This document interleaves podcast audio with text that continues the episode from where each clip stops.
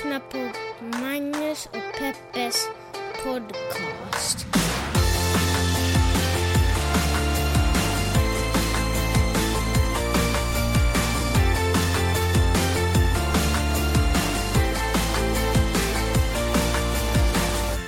Hallå internet och hjärtligt välkomna, hoppas jag och nästan kräver jag att ni känner er till den här podden som heter Magnus och Peppes podcast. Jag heter Magnus Snorbobban Silvenius Öhman och med mig sitter Jeanette Öman. Öhman. Bara inget, okej. Du kan vara en snorbobba själv. Alltså jag är så jäkla förkyld, jag orkar inte vara förkyld. Eh, Nu kan du berätta om vad du har drömt. Va? Jaha, du tänker att det är lika tråkigt som att någon berättar Ja, att... faktiskt. okej. Hör du, eh, i min... Eh, I min eh, sorg, alltså min hjärna funkar inte riktigt för att det är så mycket snorar, men i min, eh, i min depression över att jag är så förkyld, så, och, så, så googlade jag lite. Eh, Du därför, diagnostiserar dig själv genom Google. därför att när du är sjuk, så då drar du iväg och rider och, och vill gå ut och promenera och sådana saker. När jag är sjuk, då vill jag bara sova. Och jag fattar inte riktigt hur det är möjligt. Jag tänker att du inte tar det seriöst att du offrar ditt liv just nu, för att om jag... Om du mår så som jag mår, så sätter man sig inte på en, en hästrygg liksom. Man bara gör inte det. Eh, och så googlade jag lite och då hade The Telegraph faktiskt skrivit en artikel om eh, just det här. The Man Flu. Och eh, den säger faktiskt att... Eh, vet så här, Man flu is no myth. As scientists prove men suffer more from disease. Herregud, Magnus. Men det står så här. Herregud. Vad är det, varför säger du herregud? Det Vet står ju så ofta, här. vet du The ofta jag tänker inom mig själv, herregud, män är så svaga. Hallå, Ni är men- så svaga. Ni är det- så svaga och bräckliga varelser. Men The Telegraph, det är väl en respektabel tidning?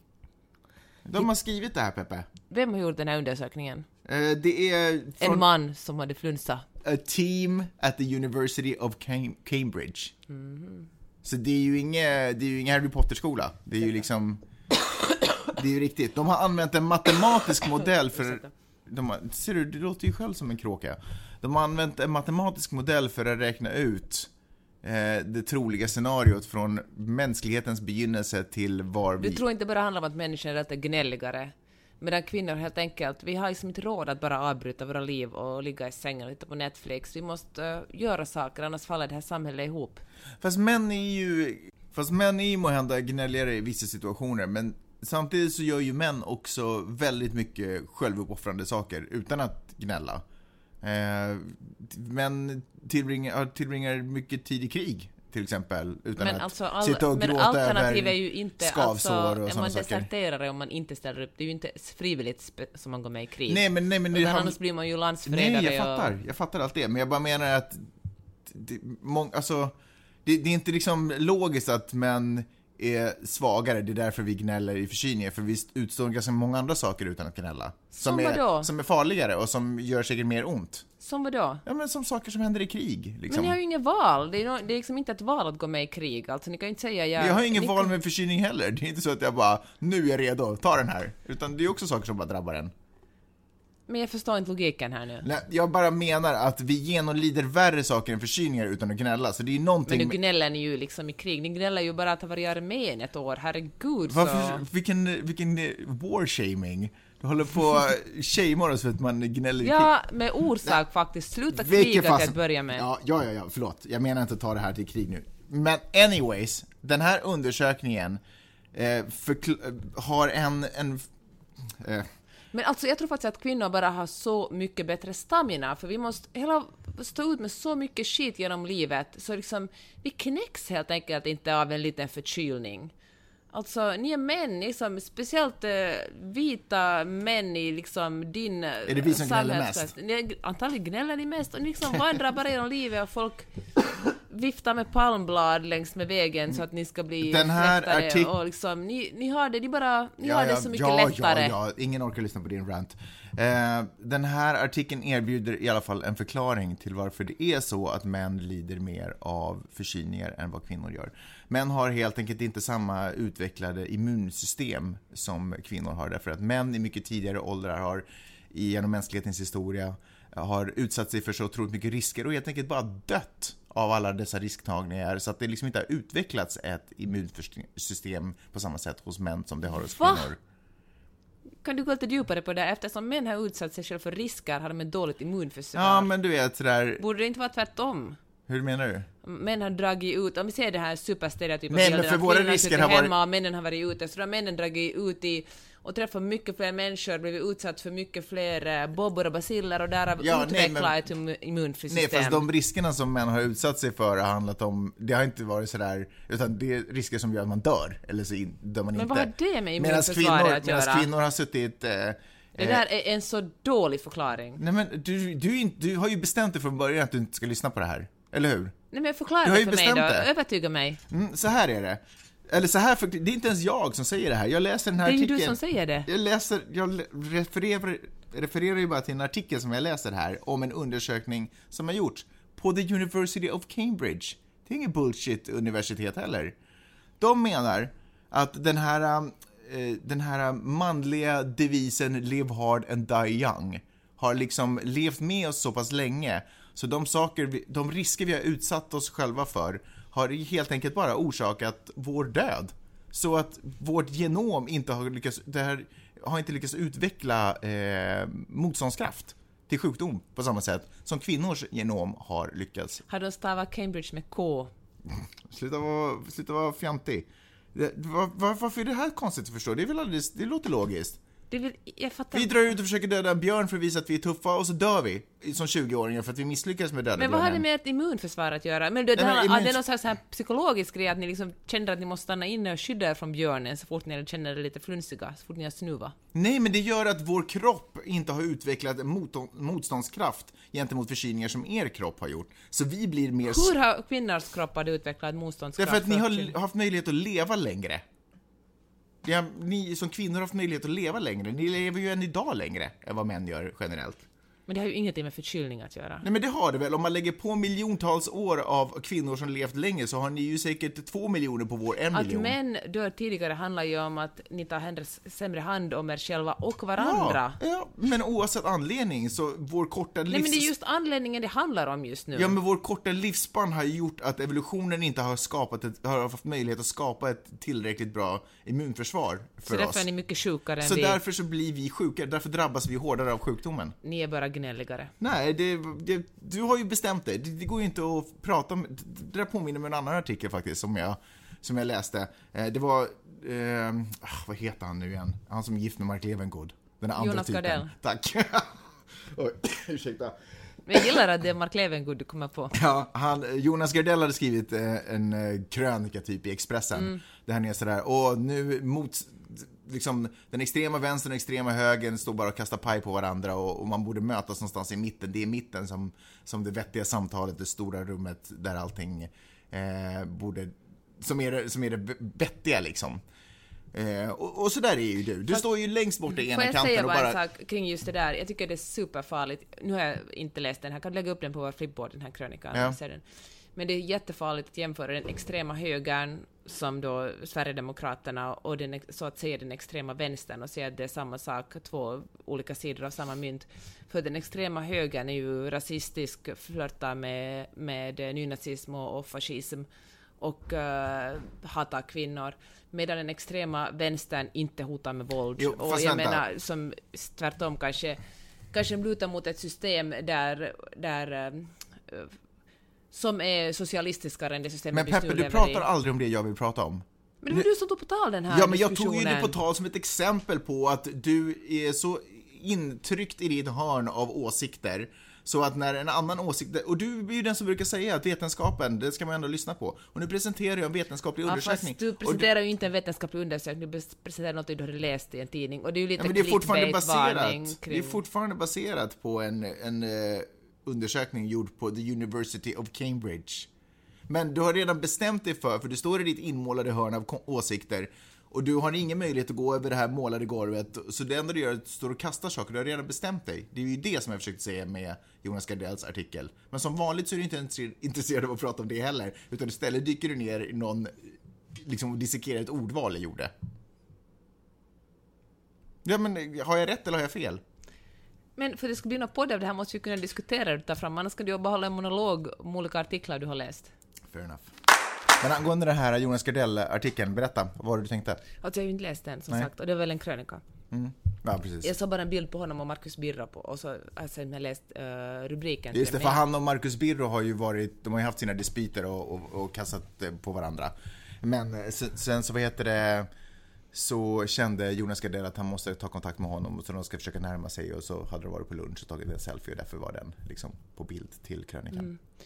Jag tycker att det är ju bra att försöka förstå varandra, det håller jag med om. Men jag tycker det som inte är, det som är problematiskt när man säger att extrem höger och extrem vänster är samma sak, för att åtminstone i Finland och Finland, Sverige finns det som ingen extrem vänster som skulle utnyttja våld och, och eh, Va? Men det gör det väl? Hur då? Nej men våld, det finns ju vänsterhuliganer, det gör det ju. Hur berättar om dem? Nej men det det är de som, eh, de som kastar eh, sten mot nynazister som demonstrerar till exempel.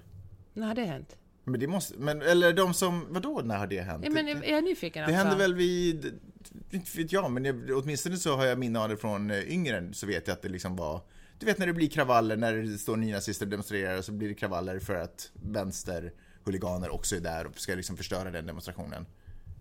Eller Reclaim the Streets som var för massa, massa år sedan. Det måste finnas färskare exempel på det här. Men Reclaim the Streets där det blev Men då tänker jag så här beef mellan höger- poliser och... högerideal, nu tänker jag i kravallerna i Göteborg var typ 2000 eller vad Ja, det slutet på Stockholm. 90-talet, det är ju Ja. väldigt länge sedan. Men, eh, men det är så jag menar att, att den extrem högern är ju organiserat våld på ett annat sätt. Det är liksom organiserat våld och det är rasism. Om du tänker på Sverigedemokraterna och, eh, och uh, Sannfinländarna och de här överhuvudtaget högerpopulistiska partierna. På motsvarande sätt finns det inte en extrem vänster som förespråkar våld eller diskriminering. Just det, jag håller, nej, diskriminering nej, men jag håller nog inte riktigt med dig med våldssidan. Jag tror att de här ungarna Måste man gå ut på gatan och vara rädd för att våldsvänstern ska slå ner en på samma sätt som man kanske, om man har en annan hudfärg än vit, kanske bara ska vara lite, tycka det är lite otäckt att, att gå ute på gatan när det, härjar. Jag skulle Där säga så här, nej, kanske inte för vår del därför att vi liksom är lite mer åt vänster så vi lite, men jag skulle säga att om jag är, om jag inte är på vänsterns sida så finns det nog anledning att vara lite orolig om jag skulle gå ut på Men ge ett exempel då, liksom någorlunda nyligt, eh, nyligen exempel när vänstern, extremvänstern skulle ha tagit till våld och gjort folk rädda. Nej men inte, inte folk i allmänhet utan det handlar ju om motståndarna. Förstår du vad jag menar? Vi Men lever ju i ett ganska vänstersamhälle från, för det första. Eller, Va? Men vi, Ett det, nej, vänstersamhälle. men det är ju ett, det är ett socialdemokratiskt samhälle som, åtminstone i Sverige. Eller det är ju liksom det som är Ah, grunden. Alliansen då? Det är väl inte Jo, vänster? men vi har ju ändå liksom, vi har ju, skattesystemet är ju väldigt socialdemokratiskt och Hur då? Nu är ju alla RUT och ROT-bidrag. Jag menar, Alliansen har ju dominerat hur länge som helst. Jo, det är väl länge sedan Olof tittar- Palmes tid. Jo, det är sant, det är sant. Eh, Och Finland är ju samlingspartiet och jag menar... Vi har väl inte, vi har ju ingen vänster... Vi har ju ingen vänsterstyre nej, men om man tittar till heller. exempel på USA som är för mig ett väldigt högerland. Fast USA är väl det mest kapitalistiska landet. Men, Ja, men det är ju exakt det. Jag tycker nu ändå att liksom... nej, men ska du jämföra Norden med USA? Det är ju, men jag vet inte om det är jämförbart. Jag menar... Jag tycker du, att kan vår- inte jämföra Sverige med Sverige och säga jämfört liksom generellt, nu är du mycket mer höger nu än för 20 år sedan till exempel, eller 30 år sedan. Jo, men eh, det är mycket mer Tvärtom vänster. privatiserar man ju Men mer det är mycket mer vänster än vad det var för hundra år sedan. Okej. Alltså, jag tycker, jag förstår jag Tvärtom går vi ju mot liksom, någonting där man privatiserar skolorna, privatiserar, har man privatiserat långt i Sverige, sjukvården, åldringsvården, jag menar, Mm. åt samma håll går man ju i Finland. Det är ju inget vänstersamhälle vi lever i precis. Ja, ja okej, jag tycker kanske ändå att det är... In, inte vänster-vänster, men åtminstone är det nog ett ganska socialdemokratiskt samhälle vi lever i ändå. Tycker jag nog. Fast det är svårt det där, för alltså Norden är ju känd för sitt välfärdssamhälle. Så jämfört med de flesta Mm. Som är andra en plats... socialdemokratisk tanke. Ja, men jämfört med de flesta andra länder i världen har Norden alltid varit det mest, det största välfärdssamhället. Men jag tycker inte vi kan leva på det hur länge som helst, för nu håller vi på att bryta ner det. Så vi kan ju inte säga, Mm. ja, ja, men jämfört med USA är vi faktiskt vänster. Uh, Okej, vi, är, vi är mer socialdemokratiskt och vi har liksom ett större socialt skydd än USA, fine. Men vi håller ju på att arbeta bort det hela tiden. Jämfört med oss själva Mm. är vi ju... Alltså välfärdssamhället började byggas på ja, kanske 50, 60, 60 70-talet. Jag menar jämfört med dem, den ideologin som rådde då har vi liksom rört oss mycket mer högerut. Ja. Mm. Men, men ändå säga att, skulle jag säga att det, är, att det är socialistiska nationer ändå, ganska långt. Att Norden är sociali att det är socialistiska Ja. nationer. Nej, det håller jag inte med om. Ja, okej. Fortsätt med din eh, argumentation om artikeln då. Eller du skulle berätta om... Nej, eller, jag, men- jag förlåt, menar bara, jag tycker att det är farligt att säga, ja men vänstern då, vänstern är faktiskt också våldsam. Jag tycker att Mm. då tar man kanske inte rasismen i högern på, på, liksom, på, hö, på extremhögern på allvar. Utan då säger man ja, ja men vänstern gör samma sak. Nej, vänstern gör inte riktigt samma sak. Vänstern är inte våldsam på samma sätt. Vänstern är inte rasistisk på samma sätt. Vänstern är inte kvinnohatisk på samma sätt som, eh, som extremhögern. Så eh, han har fel. Alltså, man ska Nej, inte jag, mötas jag på håller med. Nej, men det var inte det som, det är bra att mötas och diskutera. Jag tror att folk ska, världen ska vara mycket bättre plats om man skulle mötas som, mötas som individer och diskutera med varandra. Men att säga att aha, extrem vänstern är lika illa som extrem högern, då tror jag, jag, jag tycker, nej jag tycker inte alls att det är jämförbart. Jag tycker att man alltid måste börja med att, man kan inte säga sådär att men ni är lika, ni, på den andra, på den andra sidan om, på parti, liksom i parti, vad fan ska jag säga? Alltså, Partispektrat. du vill inte alls hjälpa mig nu. Nej, men jag För försökte hitta ordet. Partispektrat liksom, eller vadå? Så är de lika illa. Nej, för att om, om det finns liksom rörelser som är förtryckande och rasistiska så på den ena sidan så är det inte lika farligt också om det, om, om det inte... Fan Ja. vad jag är dålig på att förklara, men fattar du vad jag menar? Nej, men skitsamma. Jo, jag fattar vad du menar. Men hör du, eh, vet du vad jag hade för problem med, Mm. med eh, den där eh, kolumnen? Och det är att man ställer alltid det här kravet på att mötas och diskuteras på vänstern, faktiskt. Mm.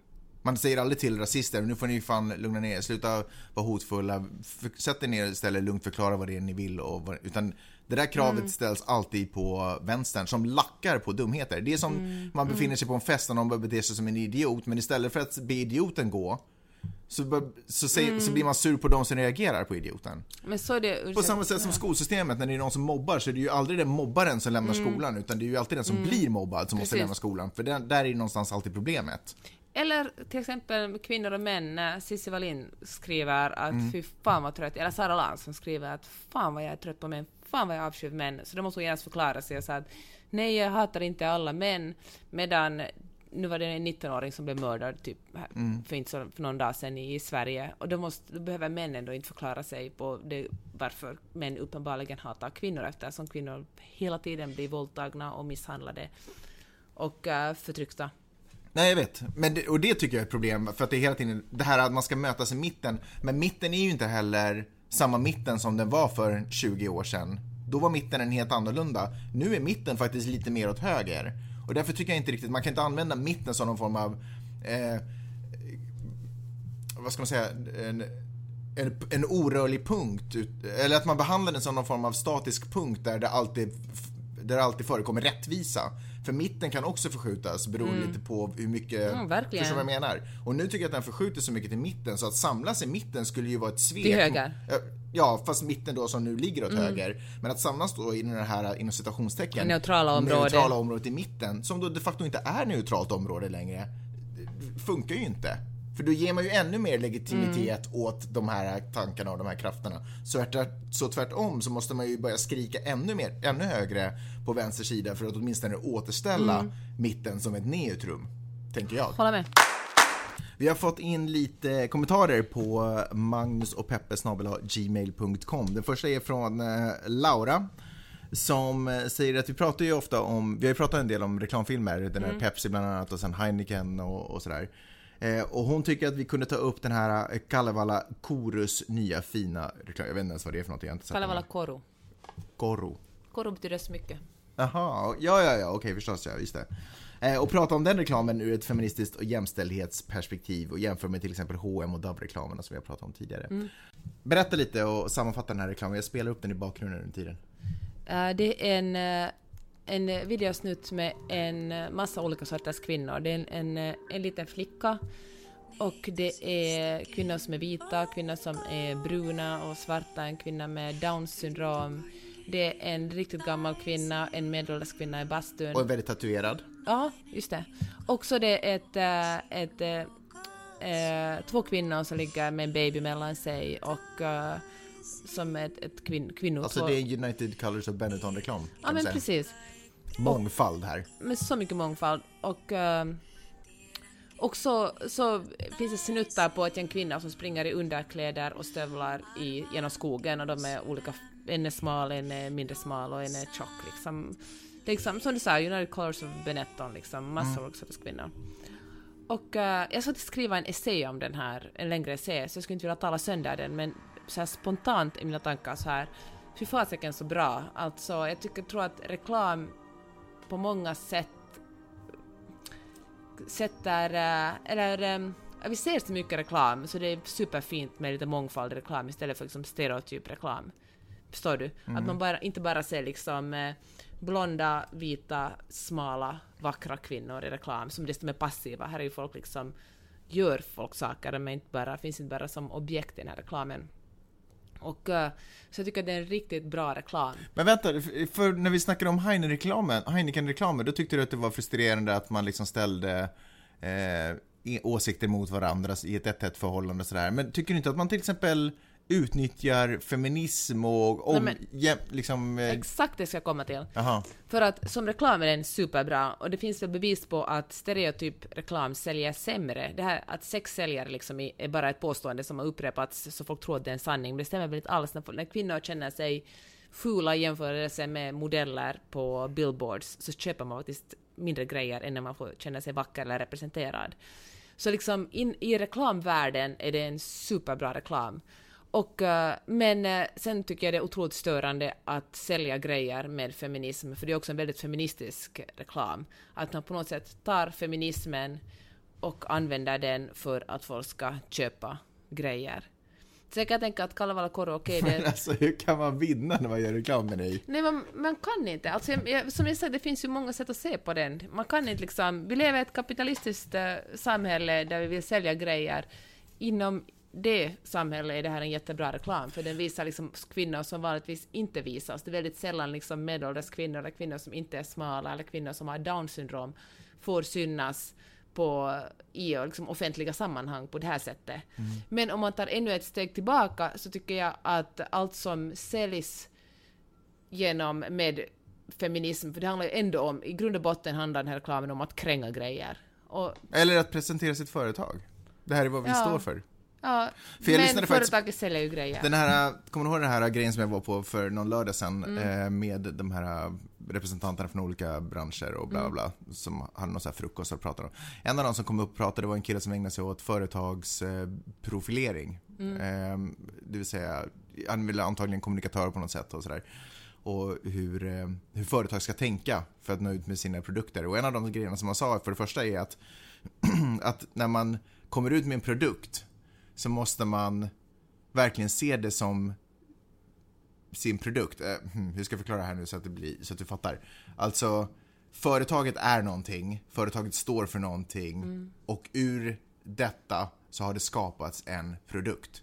Förstår du vad jag menar? Att man kommer inte på en produkt och sen försöker man hitta en image efter det. Mm. Utan produkten är ju exakt det som ordet mm. säger, en produkt av företaget och att företag måste bli mycket mer noggrannare, mycket bättre på att kommunicera. Jag tror att de tog upp det i samband med eh, American Airlines och alla de problemen som de har med liksom, sådär, sin image och sin profiling. För det där är saker som liksom har legat kvar från en gammal tid när man bara kunde sätta upp regler och ja, men mm. rätt. Man kunde vara ganska anonym bakom företaget. Men nu är det så väldigt mycket viktigare att ett företag kommunicerar vilka de är och vad de står för. Precis på samma sätt som vi kommunicerar, eller försöker och vill kommunicera på Instagram vilka vi är och, vilka vi stå, och, vad, mm. vi, och vad vi står för, till exempel genom den här podden och sådär.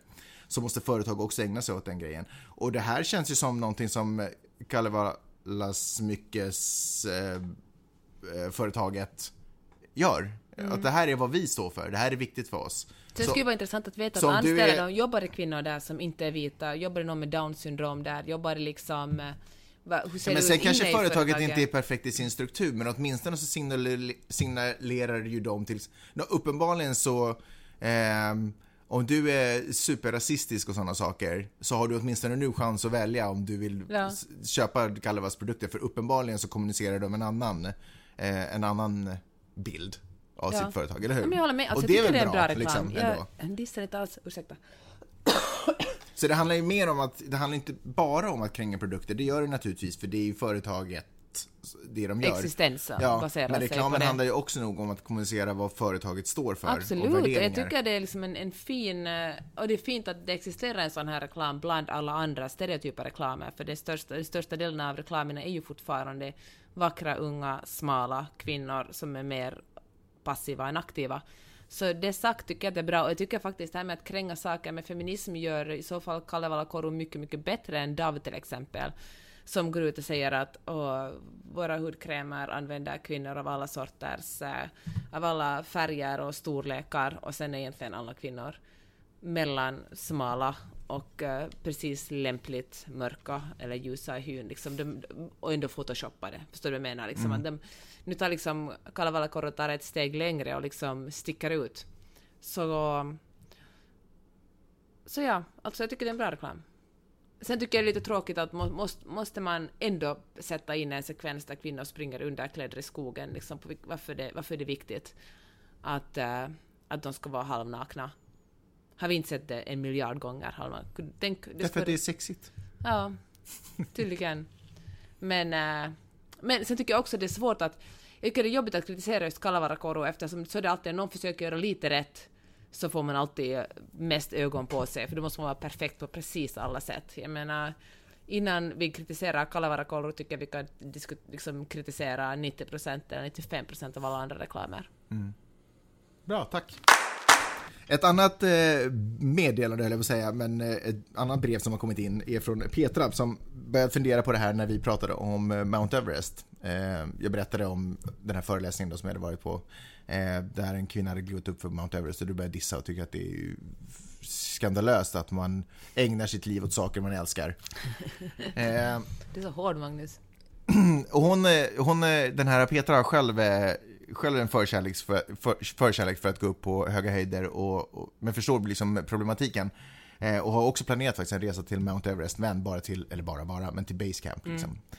Eh, mm, men det hon tar upp här är för hur ska man göra? Ska man, för att om man inte ger folk, det, så det hon funderar på är att okej, fine, det är bärare som hjälper en och när man är på fattiga platser som har magiska naturupplevelser som man vill uppleva så är det inte helt osällan som fattiga människor hjälper en. Och, men hur ska man göra? Ska man inte supporta det och vad gör de då istället? Ger man dem möjligheten till ett bättre liv eller gör man inte det? Eh, eller ska man supporta för att åtminstone upprätthålla någon form av livskvalitet i deras liv? Jag vet inte. Sådär. Så hon ställer sig frågan helt enkelt, vad är, eh, vad är ekoturism? Eh, vad är ekoturism och finns det? Och är det till exempel bättre att åka till Thailand och ligga på en strand med en regent som kanske inte är så bra alla gånger och ett land med mycket hög sexturism? Och ett annat exempel är ju också Dubai. Ska man åka dit, liksom det är ju Världens sunkigaste plats. världens sunkigaste plats egentligen, men magiska stränder Ja, och... Slaveri och jag menar, miljöförstöring. Och... Så vad säger du Pepito? Nej, jag kommer att tänka på våra kompisar Malin och eh, Lisa. De Mm. har ju verkligen en service precis för det här. Manjana heter den. Och det de har letat upp hotell runt hela världen, inte alltså platser utan hotell specifikt, som jobbar inte bara med miljö och liksom med att vara ekologiska, utan också också behandlar sina anställda rätt, betalar rättvisa löner, betalar lika mycket för kvinnor och män och som inte heller bara skippar all lönsamhet vidare till huvudkontoret i London eller vad det nu finns, utan som verkligen lämnar en, en så lämnar kvar pengarna i det område där det Precis. hotellet finns. Och jag tror att de är värda, alltså Manjana tror Därför är ett stort problem är ju ofta att, att det kommer in stora företag, köper upp en bit mark och börjar producera massa eh, hotellrum som folk kommer in och sen så tar de tillbaka de pengarna till sitt eget land så de här pengarna aldrig stannar i Mm, landet. precis. De kan, aldrig, de kan aldrig omsättas till bättre saker för landet och Det invånarna. finns till exempel hotell, många, många hotell på Phuket Mm. i Thailand, där alla pengar går till Frankrike. Man importerar mest mat från Europa till Thailand, vilket är absurt med tanke på den, på liksom den thailändska matkulturen. Men, eh, men eftersom folk som kommer dit vill leva som hemma i Europa och Mm. äta samma sak som de äter hemma så importerar man all mat från Europa. Det är ju absurt egentligen. Det är ganska intressant för när Malin och Lisa kom på den här idén så, eller de, de eh, Ja, Du har ju klippt deras podd också. Det Precis, de har, de har ju faktiskt en podd så går, man kan gå in och lyssna på den. Manjana.com hittar man, eh, hittar man deras företagssida på och där kan man också välja, titta, surfa runt på olika världsdelar och se om man hittar fantastiska hotell. För det som ofta har, det som de, tyckte var problematiskt var att naturligtvis så vill de inte åka på en härlig semester och sen så känner man att, du vet, man är innanför en stor mur och på andra sidan muren så är det liksom misär och katastrof liksom. Men man lever i sitt eget all inclusive Precis. paradis. Samtidigt som de tyckte, de kände inte heller att de ville åka någonstans och så, så ska de också, eller du vet, åka på semester till ett ställe och så är det liksom inte mysigt och roligt heller för dem för att det är, för det är um, smutsigt eller hotellet inte är liksom väl omhändertaget bara för att det liksom sköts i ett fattigt område. Så de, de försökte hitta en kombination med de här olika världarna och de har verkligen ringt runt till så många, många platser. Och de gjorde upp ett, en lista på massa kriterier. Den här listan på kriterierna kan man säkert hitta på deras sida. Eh, på vad de ville att det skulle, på vad de här platserna skulle uppfylla. Allt ifrån, precis som du säger, att pengarna går tillbaka till lokalbefolkningen, att folk som jobbar där får skäligt betalt och att det inte är påfrestande på miljön, närmiljön och, och sådär. Eh, och så ringde de runt till alla de här och de som har liksom som har kunnat checka av på alla de här har de satt upp på, sitt, eh, på sin hemsida. Det kan vara att de kanske, och ibland är det inte ens förresten så mycket dyrare än vad man betalar annars, Nej. men ibland så är det kanske lite mer. Men åtminstone så vet man att de pengar man sätter på det går till Det är liksom inte blood diamonds man köper. Exakt, för det, så är det ju faktiskt Men, men frågan alltså som Petra skriver, alltså man kan ju tänka sig att Thailand det är en militärjunta som styr landet och det är liksom ingen demokrati, dit ska man inte åka. Men de har istället tänkt så här, det bor ändå fattiga människor också i länder där det råder militärjuntor och då som kanske kanske gynnas av turism, då kan man istället välja ett hotell inom det här området som på riktigt är ett bra hotell, alltså ett hotell som är är ett rättvist hotell som lämnar kvar pengar och behandlar folk vettigt och på så sätt inte heller överge människor som lever i, i liksom diktaturer. Precis. Så, eh, en sajt att verkligen gå in och, och eh, kolla upp hotell för er nästa semester, resamaniana.com. Det är egentligen mananatravel.com som ni ska gå in på. mananatravel.com. Eh, trevlig resa! Vad tycker du om eh, Obama då? Verkar han vara en reko kille? Alltså den förre presidenten i det här landet. Mm. Ja. Tycker du att han verkar vara en eh, girig typ? Um, ja, jag tror du tänker på den föreläsningen höll va? Ja, berätta. 400 000 dollar på Ja. Wall Street. Ja, ja, alltså... Jag skulle inte tacka nej till 400 000. Nej. Vet du om att det har varit lite av en tradition i det här landet att presidenter inte har tjänat pengar på sitt tidigare presidentskap? Jaha, nej det visste jag faktiskt inte. Att Vad de- konstigt att Obama är den som gör det i så fall. Ja, han är inte den enda. Han är inte den första. Bill Clinton har ju liksom... Ja, absolut. Bill Clinton gjorde 100 miljoner efter, efter sin, eh, sin president. Mm. Och Busharna gjorde, har också tjänat massor med pengar. Men eh, om vi backar lite längre bakåt i tiden så var det inte liksom helt ovanligt att att presidenter bara drog sig tillbaka, tackade nej till alla stora Mhm. ämbeten för de vill inte... För det, det såg som att... Besudla liksom. Ja, men sitt- exakt. Man ska inte besudla sitt presidentskap. Så man backar tillbaka och lever ett ödmjukt liv Ja, efter intressant. sin presidenttid. Tänk att det är så... Tycker, vad tycker du? Ty, tycker du att han förtjänar att tjäna pengar på, sin, på sitt presidentskap? Alltså jag känner så att han har väl ganska bra, man måste ju få en ganska bra pension efter att ha varit president i åtta år. Så att han är ju säkert inte barskrapad. Nej, men det är ju inte 100 miljoner tror jag inte det handlar om. Liksom, Nej, men ska man, inte han skriva en bok också med Michelle och, ja, han och väl... Ja, säkert. fick liksom, eller skrev de var sin bok kanske, men fick liksom miljoner i förskott också Mm. för den. Så, ja, det kanske känns lite girigt, kanske lite onödigt ändå. Ja. Jag fattar ju att det lockar, man är ju bara människa, men eh, men behöver han verkligen pengarna? Eller kanske han ger dem alltid, tror du han ger dem till välgörenhet? Man kan ju alltid hoppas. Ja. Men tänk att först när jag, när jag läste om att han hade tjänat massa pengar på föreläsningar och sådana saker så då var det så här, ja, men vad är, vad är rubriken här nu? Du förstår Ja. inte. Det är väl inga konstigheter. Men sen när jag liksom eh, förstod vad det var som folk blev upprörda över och folk, liksom just att det här är girigt att man, Ja. för han hade ju inte fått de här föreläsningarna om han inte hade varit president. Nej. Förstår du vad jag menar? Ja. Så han spinner ju bara på sitt presidentskap och då blir det lite så här, ja fan, liksom. Han har ju haft Det är så ovärdigt kanske. kanske lite ovärdigt egentligen. Men samtidigt så lever vi nu i en tid där det är helt naturligt att vi Ja. spinner, vi drar ut varenda skulle- liten tråd Det av är dollar. sant, men han skulle kanske kunna sätta, ändra standarden. Det som Bush och Clinton, inte, det som när de kapitaliserar på, sin, på sitt presidentskap, det normaliseras ju väldigt snabbt. Mm. Så kanske han skulle sätta en ny era. Jag menar, kanske Trump efter att ha varit president skulle följa Obama i fotspåren. Jag skojar bara. Ja, det är roligt. Det är så underligt, för det är inte så att folk förr i tiden var mindre skurkar. Eller du vet sådär, gjorde eh, saker vid sidan om eller, eller helt, ja men du vet, var mindre Mm. skurkaktiga. Men på något sätt så, finns ändå, så fanns det ändå någon sån här, det är nästan som det fanns en skurkheder. Du menar som gentlemanna- Ja, exakt. Skurkaktighet. Så till exempel eh, Truman som var president efter eh, 45, eh, efter andra världskriget där.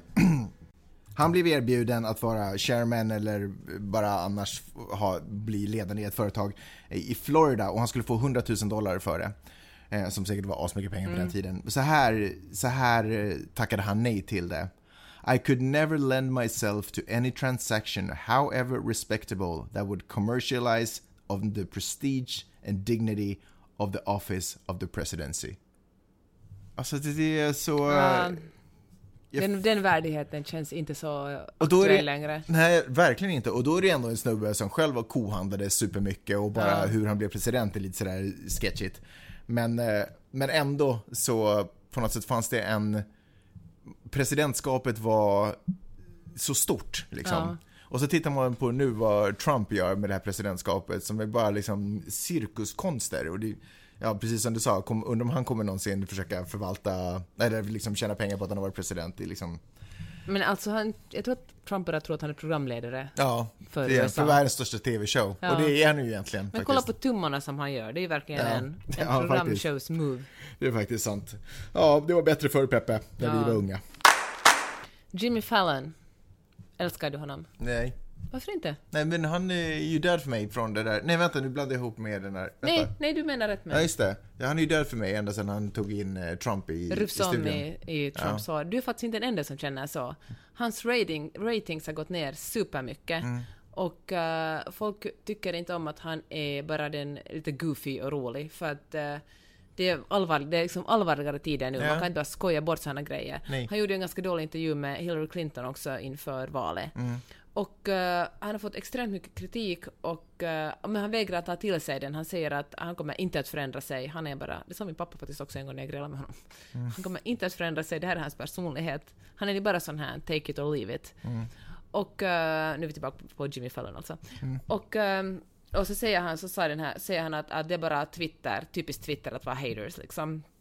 Men, men late night hostar som, som talar om, eh, om politik och skojar med Trump, de har egentligen sett ett uppsving. Folk kollar mycket hellre på det. Så Seth Meyers till exempel hade, hade gått upp och Colbert har fått jättemycket mera. Och nu funderar man på det här att är, liksom, är Jimmy Fallons saga all nu? Är det, kommer liksom, kommer den där, eh, det som börjar med att han rufsar om Trump i håret och sen vägra att vara politisk överhuvudtaget, kommer det att bli hans fall? Det är ganska svårt tror jag att klättra upp från, från att ligga nere nu och liksom vara den som ingen... Eller folk, tar honom, folk tycker att han är, att Nej, han men är nu mes. kan han inte bli politisk. Oj, förlåt, men nu kan han inte bli politisk mer. Eller kan han? Ja, men det, det vore jättekonstigt om han hade gått ut så hårt med att han inte ska vara politisk och sen helt plötsligt blir det. Ja, men han kan ju skylla på liksom producenterna och... Ja, i och för sig så han jävla Han sån har ju inte här. riktigt den, men Nej. grejen är att han är ju fortfarande, han är ju det sista i den gamla, Ja. i det, förlåt, i i det gamla, gamla sortens program, inte ens, egentligen inte ens gamla, eller är det gamla? Eller är det bara, var det bara mellan en period där vi alla sa... Den, Alla kunde andas ut under Obama alla, man kunde vara gullig och liksom... Ja fast det, var, det går längre tillbaka. Skojig. Jag tycker att det här är min generation. För vi har hela tiden argumenterat för när fotbollslag skulle åka till det andra, ena eller andra landet och, som var lite sådär tveksamt, varför ska man dit göra? Så var det såhär, men man måste hålla isär sport Mm. Ja, men precis, och... det är apolitiskt. Ja, vi, vi har hela tiden alltid kört det där. Vi har aldrig försökt vilja kombinera de här grejerna. Men nu är vi liksom i lite en annan tid. Ja. Nu har Ja, kan man säga det? Kan man säga så här att, att äh, spela fotboll, åka på semester och säga att jag bryr mig inte om politik? För att allt är politik. Ja. Jag menar varje, varje handling, vad man än köper, vart man än reser, vilka restauranger man går på, är, vem som stannar hemma med barnen, allt Ja. är politik på något sätt. Jo, men därför att nu är det lite, kan jag känna sådär, att nu är det så att om man inte säger någonting, då är man på den andra sidan. Att inte säga någonting är också en aktiv Ja, handling. precis. Då jag tror- väljer man att Precis. inte kritisera Donald Trump i det här fallet. Exakt. Eh, Och han sa också faktiskt Jimmy Fallon att han har faktiskt folk som, som röstar på Donald Trump tittar faktiskt också på den här showen. Då känner jag att ännu mer viktigare att, Mm. eh, att lyfta upp saker. För att det är, i USA är ju ofta TV-nyheterna så dåliga att det är de här, de politiska, de här late night showerna som nästan står för de Mm. bästa politiska analyserna, för de, gör, de paketerar in det på en väldigt skarp, underhåller dem på ett väldigt skarpt sätt. Så, men vad ska Jimmy Fallon göra då? Ska han bara step down och hålla föreläsningar för hundratusentals Ja, jag tror att han måste stepp, kliva av och ta sig lite fundera på För precis som vi pratade om tidigare här, att man kommunicerar vem man är och vad man är. Om jag inte riktigt vet var han står politiskt i sådana här tider, Mm. så har jag ju svårt att lita på, på honom. Jag, må, jag måste veta, liksom. Eh, han behöver inte redovisa det, men jag måste veta vad han... Eller han behöver Mm. redovisa det faktiskt, för jag måste veta var han står. Och det är ju det som han har nu, för nu är han bara rolig. Ja, men du vet, nazister kan också säkert vara roliga. Ja. Så nu behöver jag veta, för det, det, det betyder mycket för mig. Liksom. Ja. Och jag tror kanske också att han svarar lite för snabbt liksom. Han, han gick liksom för fort ut med att säga att, att han är bara rolig och han kommer inte att förändra sig. Mm. Jag tror att han kanske borde ha väntat och funderat liksom en stund på den kritiken han utsattes Mm. för och utsatt, liksom konfronterades med och sen fundera på hur han själv vill ha det istället för att bara slå ifrån sig och säga jag är som jag är, acceptera det.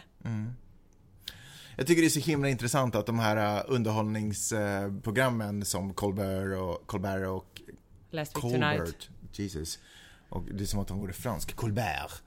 Som en Eh, ost. Ja, och som en ost ja. Last week tonight. Jag vet inte han igen. Han John som, Oliver, sluta lära dig. Att de går så bra, jag tycker det är så... Jag tycker att det är så nyheternas misslyckande faktiskt. ja. Att, att de här programmen går bra. Och jag är tacksam för att de går bra. För de tar ju verkligen, axlar ju verkligen den här rollen. Samtidigt så är det problematiskt därför att de inte har något behov av att vara objektiva eller de ägnar sig ju trots allt någonstans åt ja, underhållning. men det säger ju faktiskt John Oliver att han gör främst under, han få Ja. folk att skratta. Precis. Och det är ju problematiskt, för att jag vet ju inte när han slår på den växeln och när han inte slår Mm. på den växeln. Eh, och till exempel nu senaste avsnittet faktiskt av det så tyckte jag att han ägnade sig otroligt mycket åt maktmissbruk. När han flyger på den här nyzeeländska Premiärministern. Premiärministern. Det var ju liksom töntigt. Det var det, Det var så- sämsta segmentet jag någonsin har sett i Week Tonight. Jag undrar varför han gjorde det. Så otroligt småsint. Så i en intervju i Nya Zeeland så är det en reporter som är sådär, hej vad tycker du om att John Oliver sa någonting om dig? Typ, Ja, ni hade använt Eminems... Ja, eh, men precis. Och det är sådär, vem musik. lyssnar på John Oliver? Han väl inte rolig ändå? Ja. Någonting sånt. Och så, var, så skulle John Oliver visa hur rolig han var och bara försöka krossa honom. Vilket ju bara, jag vet inte, jag tycker det var patetiskt. Så där önskar jag ju förstås, i de situationerna, då förstår man ju också att nyheterna är ju egentligen faktiskt på riktigt det mediet som vi har för att ta till oss vad som händer och som ska förklara för oss. Det kan inte vara underhållningsprogram som egentligen gör det. Hur roligt det än är, så kan det inte vara deras uppgift. Fast tror du inte att nyhet, de traditionella nyhetsprogrammen är... De är ju... De satt, liksom, programledarna är så otroligt stora här i... Också om du bara är nyhetsuppläsare är du främst en programledare. Ja. Och då blir de lätt subjektiva nyheterna här. Då liksom, och man kanske... Folk vet kanske inte så stor eller fattar kanske inte det. Eller tror de fattar? Nej, jag tror faktiskt folk inte fattar. Folk Nej men det är ju fortfarande, det är ju fortfarande nyheternas misslyckande. Ja, men däremot tycker jag, det här säger ju varje podcast, men säger nu igen, alltså jag tycker däremot att, att printtidningarna i USA är, superduktiga, är superbra. Gör riktigt bra journalistik. Mm, det blev de glada av att höra. Ja, en, en, en varm hälsning till New York Times. Jag tycker ni är duktiga. Det var allt jag hade att bjuda på den här veckan. Så. Hur, hur har det känts Peppe? Det känns som en bra mix, en gott och blandat påse med lite lakrits, lite röda fruktgodisar. Så rasistisk. Eh, ber om ursäkt för allt hostande. Jag hoppas att vi till nästa vecka har rått bot på vår förkylning. Du vägrar ju ta mediciner för du är så himla stark och... Får jag bara säga att jag tog hostmedicin igår kväll. Ja, det var nog koko det. Du tog en liten, eh, jag vet inte vad du tog, men det räknas inte. Du tar inte din sjukdom seriöst. Jag gör det, jag försöker vila ut. eh, Men å andra sidan så är jag i egenskap av man mycket känsligare. Det är de här hormonerna som eh, kolliderar med, med kroppens egen förmåga att Du är reparera en sig sån själv. tönt. Som gör Avsluta den här podden nu. Innan att- jag avslutar dig. Som gör att innan förkylningen tar mig, jag tror att förkylningen hinner ta mig före. Hörni, tack så hemskt mycket för att ni har lyssnat den här veckan. Vi hörs snart igen och det ska bli så himla roligt tycker jag. Och för som tyckte det här var bra får ni gärna betala in 86 cent per avsnitt. Och uh, sprida information till era vänner om att det finns en sån här liten podcast. Så var det, vi finns på iTunes och vi finns där ni behöver oss, så vi hörs! Ha det bra! Hej då!